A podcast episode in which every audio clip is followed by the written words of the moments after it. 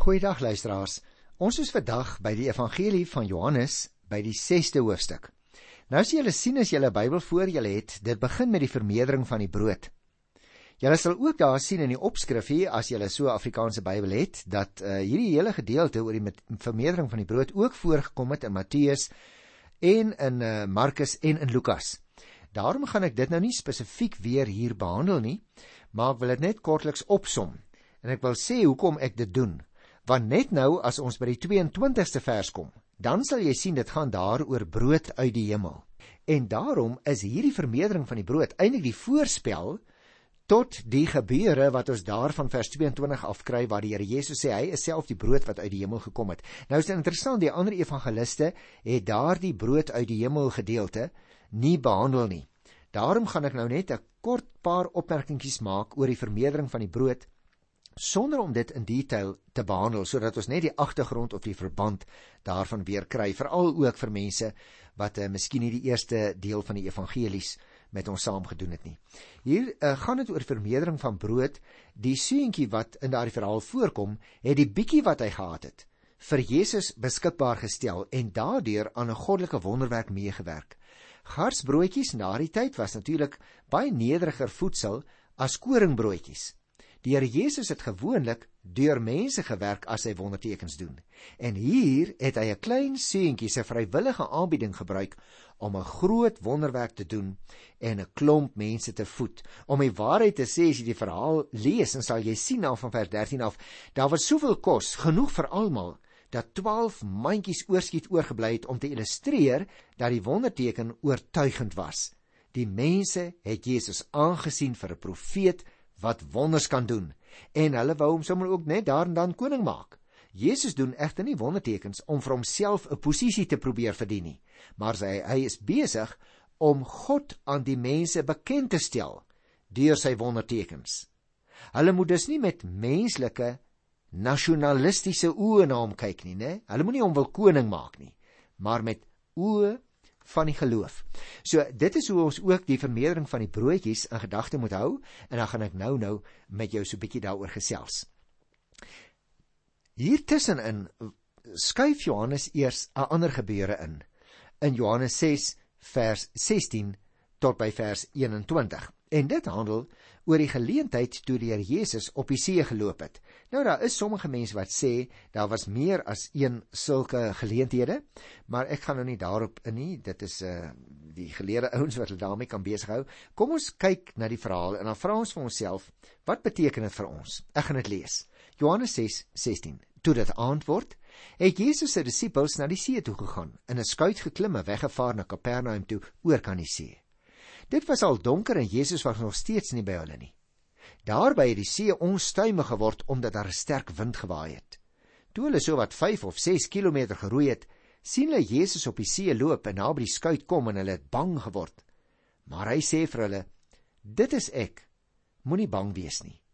Hulle was toe gewillig om hom in die skuit te neem en daarna die skuit by die land aangekom waarheen hulle op pad is. Luisteraars, alhoewel die evangelis Johannes nie die woordjie wonderwerk hier gebruik nie, beskryf hy tog wel in die volgende 6 verse 'n wonderteken, naamlik Jesus se vyfde wonderteken toe hy hier op die water geloop het. Dit dien natuurlik 'n besondere doel as inleiding tot die gesprek oor die brood wat lewe gee wat ek gesê het ons nou nou by gaan kom en wat in die volgende uh, perikoop beskryf word wat net die volgende oggend dan ook plaasgevind het. Dis interessant. Johannes se weergawe is die kortste en ook nie so volledig soos die van Matteus en Markus nie. Die ander evangelies plaas ook die klem sterker op die wonderelemente in die gebeur. Byvoorbeeld dat Petrus op die water loop, Matteus 14:29. Dat Jesus dieselfde doen, Matteus 14:25. En ook dat die wind gaan lê het toe Jesus in die skuit geklim het. Johannes se berig aan die ander kant is geskryf vanuit die oogpunt van die disippels wat op Jesus wag, terwyl die ander evangelies geskryf is vanuit die perspektief dat Jesus wat alleen op die strand is en die nood van die disippels in die skuit raak sien. Ek wil miskien net weer vir jou daaraan herinner, miskien ook vir jou vertel wat vir die eerste keer dalk mag inskakel. Die see van Galilea was ongeveer 200 meter onder seevlak geleë omring deur berge. Die verplasing van die warm vogtige lug oor die meer deur die koue winde uit die suidooste het dikwels skielike stormwinde tot gevolg gehad wat dan hoë golwe veroorsaak het en in die wonderteken val die klem op die disippels wat op 'n besondere wyse kennis maak met die selfbekendmaking van die seun van God wanneer hy sê dit is ek. Jy hoef nie bang te wees nie. Dit is ek. Nou daarmee luisteraars, wil ek ook die gedeelte oor die wandel op die see daar laat want ek wil baie graag meer aandag spandeer in hierdie program aan ons volgende perikoop naamlik die brood uit die hemel. Ons het heel wat stof hieroor Maar ek wil tog ook voortdurend soos wat ek elke keer doen, so 'n bietjie ekstra agtergrond gee dat ons dit beter kan verstaan. Kom ons begin dadelik by vers 22.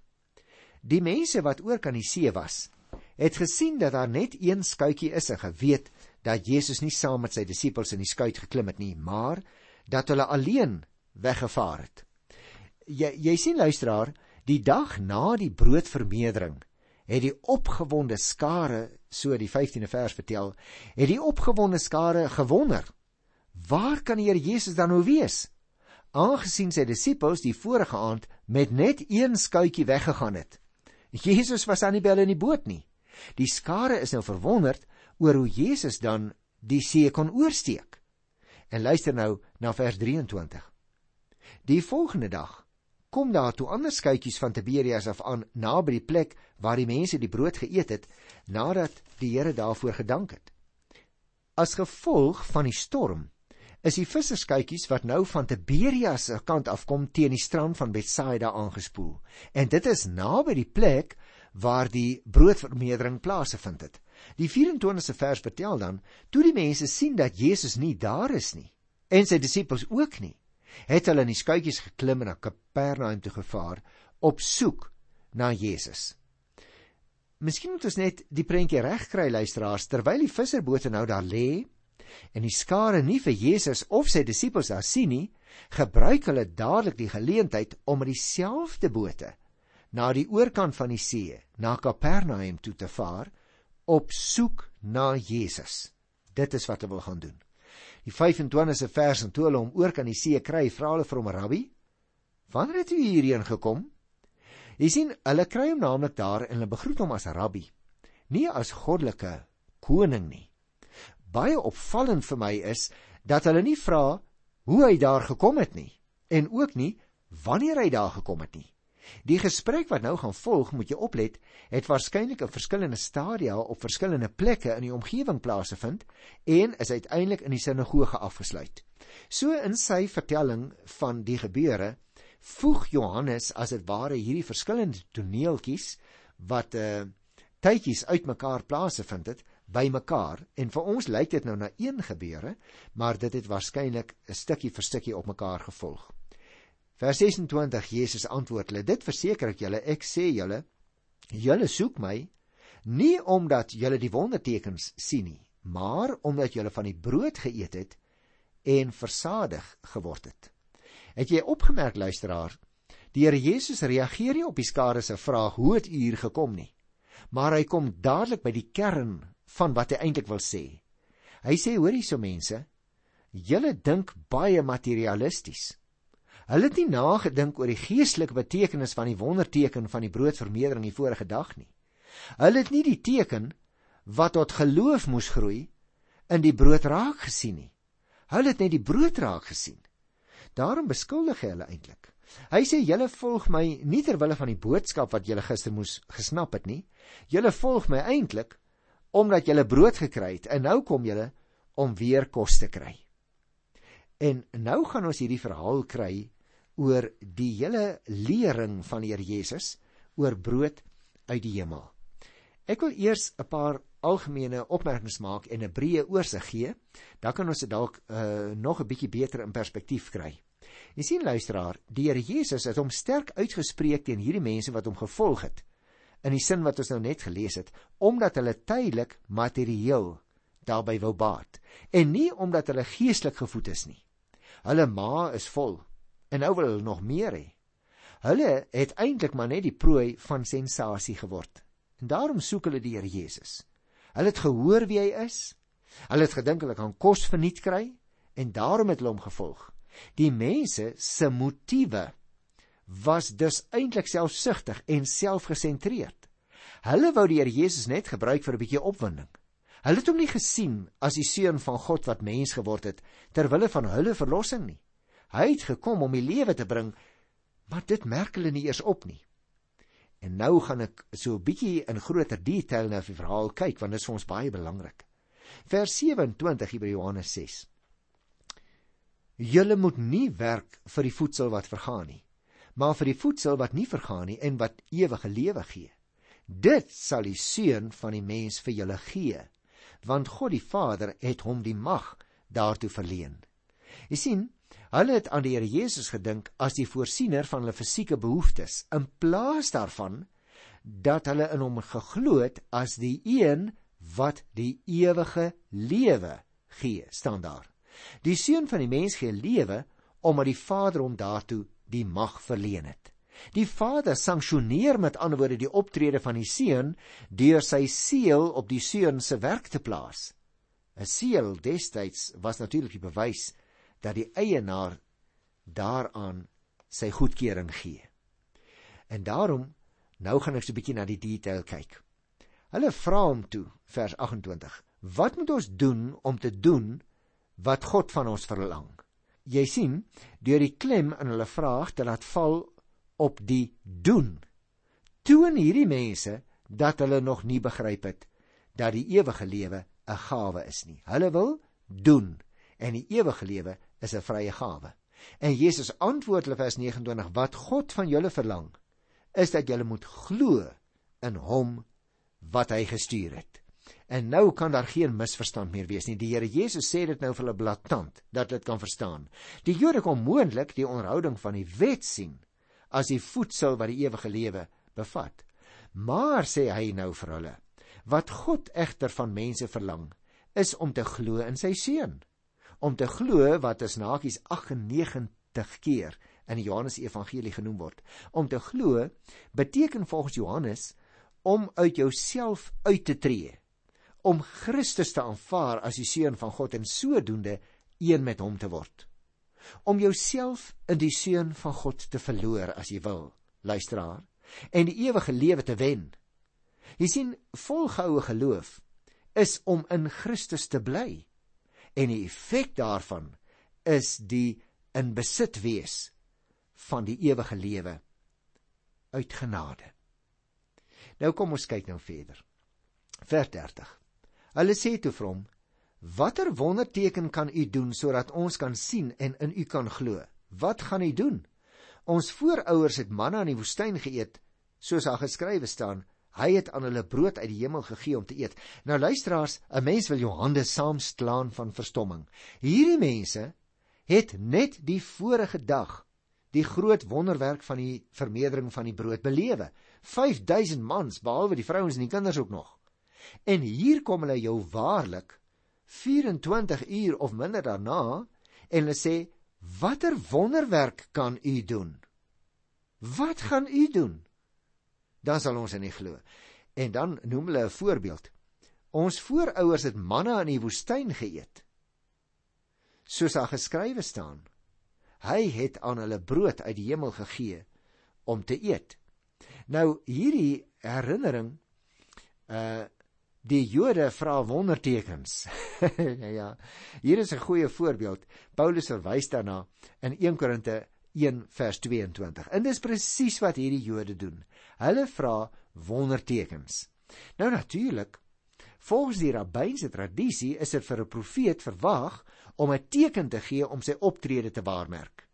Alhoewel die Jode 'n wonderteken, die broodvermeerdering, die vorige dag nou gesien het, het hulle nog nie gesnap waaroor dit eintlik gegaan het nie. En daarom dink hulle nou so 'n bietjie terug aan hulle eie geskiedenis. Hulle haal selfs aan uit Psalm 78 vers 24 en hulle sin speel op Moses wat die manna 40 jaar lank voorsien het. Maar luister hoe reageer die Here Jesus. Hy sê: "Dit verseker ek julle, dit is nie Moses nie." Wat die brood uit die hemel aan julle gegee het nie. En dan verduidelik die Here Jesus vir hulle luisteraars dat hy die ware brood is. Hy sê met ander woorde, kom ek trek net so 'n bietjie vir julle Moses se rol in perspektief. Dit is nie Moses wat die manna vir julle voorsien het nie, maar God. Verder, dit was nie ware brood uit die hemel nie, maar aardse brood. Luister na vers 33. Die brood wat God gee, is hy wat uit die hemel kom en aan die wêreld die lewe gee. Met ander woorde, die ware brood wat die Vader gee, is hy wat uit die hemel kom en aan die wêreld die lewe gee. Hy sê hoor hierso, die manna in Moses se tyd was slegs fisies van aard teenoor die ware geestelike brood wat God in die onderrig en die bediening wat ek nou het vir julle gee. Julle moet verstaan, ek gee vir julle nie tydelike lewe soos wat julle van die manna gekry het nie. Ek gee vir julle die ewige lewe. Die heil, luisteraars, lê nie in die verlede nie, maar in die goddelike wat by hulle teenwoordig is. Die heil lê in Jesus Christus, die ware brood van die lewe. En dan kom hy by vers 34. Hulle sê toe vir hom: "Meneer, gee ons tog altyd hierdie brood." Nou is dit asof hulle begin snap. Want jy sien, hulle wil hierdie brood wat hy nou kan gee. Dit wil hulle hê. So hulle vra dit nou van hom. Maar as tog ook nog steeds 'n leemte. Want hulle soek nie werklik nie. Jy sien, luisteraars, hierdie mense maak net soos die vrou by die put, die Samaritaanse vrou wat ons ontmoet het in Johannes by die 4de hoofstuk. Net so vra hierdie Jode nou ook vir hom om altyd die brood van God te kry. Die wonder van die broodvermeerdering moet permanent word. Dit is wat hulle by implikasie wil sê. Maar vers 35 Jesus sê vir hulle ek is die brood wat lewe gee. Wie na my toe kom sal nooit weer honger kry nie en wie in my glo sal nooit weer dors kry nie. Jy sien slegs Jesus is die geestelike brood wat lewe gee. Dit is hy self. Hy breek homself om ons te voed letterlik. Die mens hoef nie van geestelike hongersnood te wurg nie. Maar luisteraars, ons kan in geestelike oorvloed lewe want Jesus Christus is die brood wat lewe gee die ewige lewe hy klaar met ander woorde 'n misverstand op die brood waarvan hy praat is nie soos die manna wat hulle in die woestyn opgetel en geëet het nie. Dit is hy self wat lewe gee. Die uitdrukking ek is is een van daardie bekendes. Julle onthou ek het vir julle by die inleiding van die evangelie van Johannes die eh, sewe beroemde ek is uitsprake van Here Jesus gegee. En hier het ons dan een van hulle in vers 35 ek is die brood wat lewe gee. En dit verduidelik Jesus se persoon dit verduidelik sy hele bediening Jesus se uitnodiging is baie duidelik die mens moet homself losruk uit sy bestaan van geestelike hongersnood en na die Here Jesus toe kom So staan dit daar in vers 35. Hy wat na my toe kom en dit is wat hy vra. Ook die onversadigbare dors word vir altyd geles as ons in hom glo. Vers 36: Maar wat julle betref, ek het julle reeds gesê julle sien my en tog glo julle nie my nie. Die inleidende maar van hierdie sinnetjie, maar wat julle betref, uh dui juis luisteraars op die kontras met dit wat die Here Jesus eintlik van hulle verwag het. Hulle sien hom, hulle hoor hom, maar hulle wil nie hulle honger en dors versadig deur in hom te glo nie. Daarin vers 37. Elkeen wat die Vader vir my gee, sal na my toe kom, en ek sal hom wat na my toe kom nooit uitwerp nie. Voordat iemand na Jesus toe kan kom, luisteraar, is dit nodig dat die Vader hom aan die Here Jesus moet gee, staan daar. Nou dit beklemtoon juis die opperheerskappy van God. Dit verduidelik ook vir ons waarom so baie van die wat saam met die Here Jesus loop, van die brood eet en hom hoor en hom sien, maar nooit ware navolgers van hom word nie. Hulle is nie van diegene wat deur God aan Jesus gegee word nie. En daarmee saam moet ons onthou, sal Jesus nooit iemand wat in die geloof na hom toe kom verwerp nie. As jy dus vandag die evangelie woord hoor en nog nie na hom gekom het nie, dan wil ek jou in sy naam nooi. Hierdie blote uitnodiging wat na jou kom om na die Here Jesus te kom as die Here van jou lewe. Dit is juis die bevestiging dat die Here vir jou die boodskap wil laat hoor. En luister al vir jou en vir my wat al reeds in hom glo. Ag, laat ons tog nooit, nooit daaroor trots en belangrik begin voel nie. Luister na vers 38. Ek het van die hemel af gekom, nie om my wil te doen nie, maar die wil van hom wat my gestuur het. Het jy geweet Luister daar sewe keer word in hierdie hoofstuk vermeld dat die Here Jesus van die hemel af gekom het. As jy dit wil neerskryf, kom ek gee dit gou vir jou. Vers 33, 38, 41, 42, 50, 51 en 58. Die volmaakte eenheid tussen Vader en Seun is die onderliggende motivering vir die Here Jesus se gehoorsaamheid aan die wil van sy Vader. Die Here Jesus het dus nie onafhanklik van die Vader gewerk nie. Hy en die Vader is een. Vers 39 En dit is die wil van hom wat my gestuur het, dat ek van almal wat hy my gegee het, nie een verlore sal laat gaan nie, maar hulle almal op die laaste dag uit die dood sal laat opstaan. Wonderlike woorde. Jy sien luisteraar, die Here Jesus sê dat nie een van die mense wat die Vader aan hom gegee het, verlore sal gaan nie. Dit beteken dat elkeen wat opreg daaraan toegewy is om in Jesus Christus as die verlosser te glo, die versekering van dag kan hê dat jy die ewige lewe het. God sal nie toelaat dat sy kinders deur die bose afgerokkel word, dat Satan hulle verlossing van hulle af wegneem nie. Jy kan dit ook kry in Hosea 17 by die tweede vers. God is self die waarborg omdat Christus die duiwel aan die kruis oorwin het. Daarom is dit sulke wonderlike gedeeltes hierdie vir my. Want jy sien wat die wil van die Vader is, word nader gekwalifiseer hier in die 39ste eh, vers ehm um, naamlik dat niemand verlore sal gaan nie. Nie een van diegene wat aan Jesus gegee is nie.